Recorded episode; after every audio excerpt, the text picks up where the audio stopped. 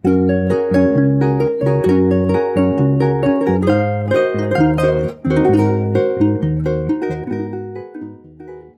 og velkommen til podkastserien om transpersoner, laget av psykologstudenter ved NTNU.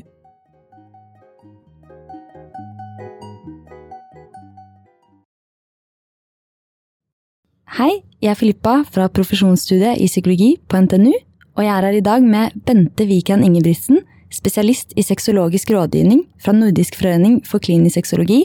Hun er også helsesykepleier med en videreutdanning innenfor psykisk helse.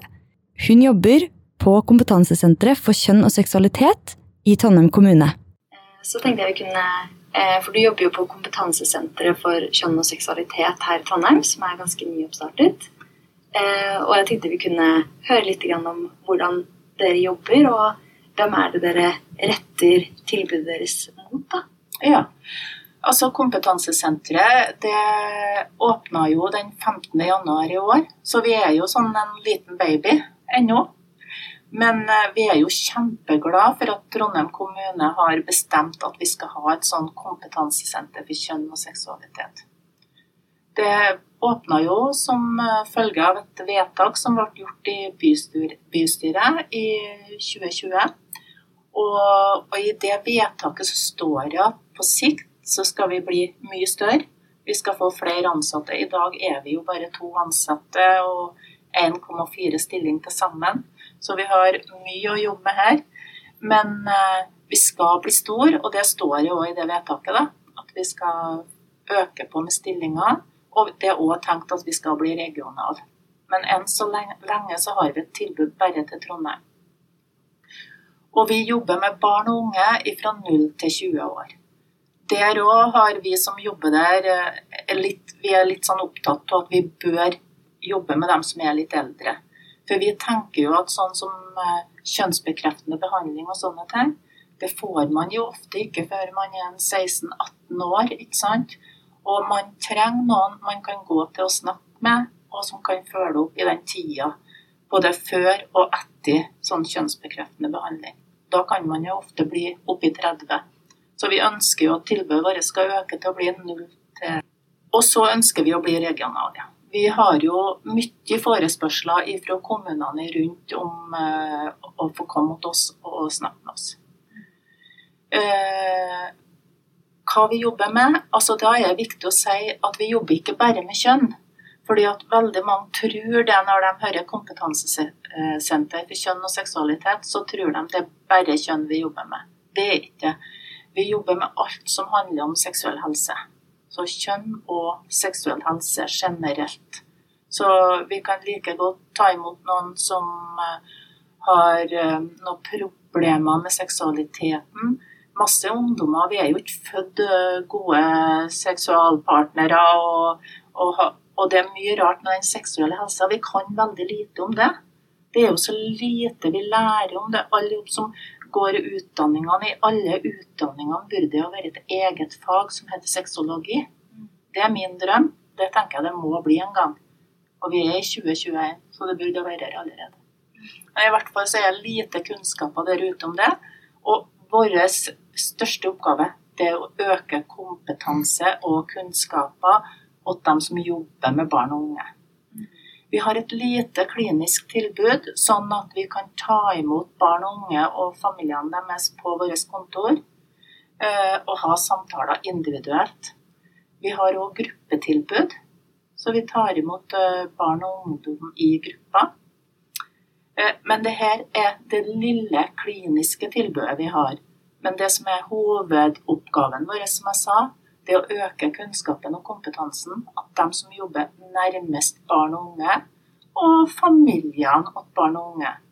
Så vi fer rundt omkring på skolene, barnehagene, hos fastleger, BUP, eh, NTNU. Vi har vært litt sånn overalt. Og vi er sånn når noen spør om vi kan komme og snakke om seksuell helse og kjønn, så er vi kjempeglade for det. Vi fer ut og farter hele tida snakker om det. Er det noe dere erfarer at uh, man har lite kunnskap om, eller man har mange spørsmål om uh, når dere reiser rundt? Altså, egentlig generelt. Som jeg sa, så er det lite kunnskap om seksuell helse generelt. Uh, og kjønn. Så hva jeg skal ta til eksempel altså, Men det som vi er mest opptatt av kanskje å snakke om, det er den naturlige seksuelle helsa. Og der har vi lyst til å starte tidlig.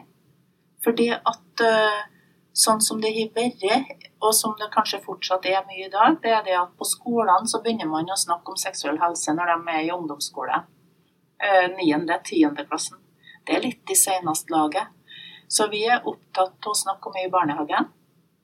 Snakke om det på helsestasjonene og til helsesykepleierne. At de skal bli fortrolige og vant med å kjenne at det er OK å snakke om det.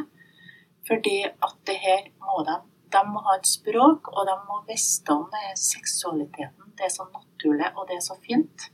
Og det må de vite om. Fenn de begynner å lære om at det finnes noe som ikke er fint, ikke sant? i forhold til overgrep og vold og alt det her som vi kanskje allerede har vært ganske flinke til å snakke om. Altså, det må snakkes mer om det, og det er ikke det jeg sier, men vi lærer barn om det før vi lærer dem at det faktisk finnes en naturlig, fin seksualitet.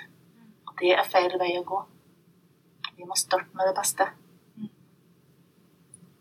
Um, og dere tar imot eh, barn og unge, men også eh, familie.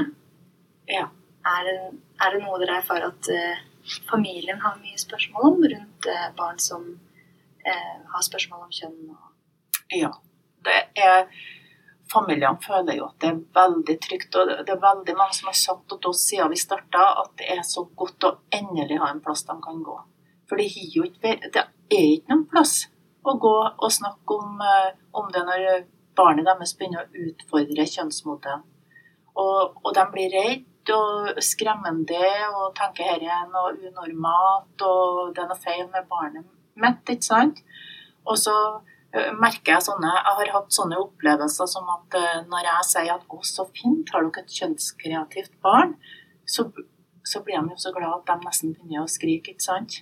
Så, så det å få komme mot noen og snakke om det, og de har masse spørsmål om akkurat det her. Og så prøver vi også De blir litt redde. For de ser for seg alt det her forferdelige som barnet deres må igjennom ikke sant, i forhold til kjønnsbekreftende behandling og uh, opp gjennom årene med mobbing og alt det her, ikke sant. Og så prøver vi å lande dem litt og si og nyte barnet deres i dag. Og se på barnet deres i dag hvordan det er. Og så barnet deres vil, vil fortsatt være et barn, uansett kjønn. Så vi prøver å liksom lande litt og få det til å bli litt naturlig. Og hvor er det folk kan oppsøke dere? Eh, vi har en nett, egen hjemmeside, eh, hjemmeside eller nettside inn på hjemmesida til Trondheim kommune. Da.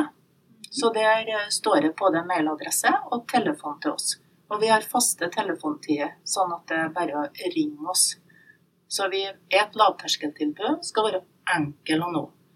Og hvis noen vil ha en samtale med oss, så er det ikke venteliste. I hvert fall ikke ennå, og det har vi et mål om at det ikke skal bli. Da skal vi mase på ledelsen i kommunen for å få flere stillinger.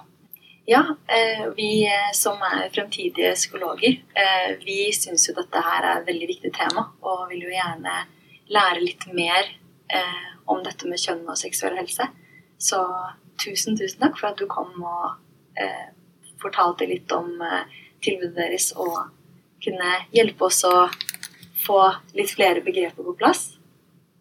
Ja, uh, tusen takk skal dere ha for at jeg ble invitert. Jeg ble kjempeglad for det. For dette her, som dere skjønner, jeg liker jo å snakke om det. Jeg er jo så glad at dere som psykologstudenter ønsker å få mer kunnskaper om dette her. For uh, det som jeg sa i stad, det trenger vi alle. Mm. Ok, tusen takk.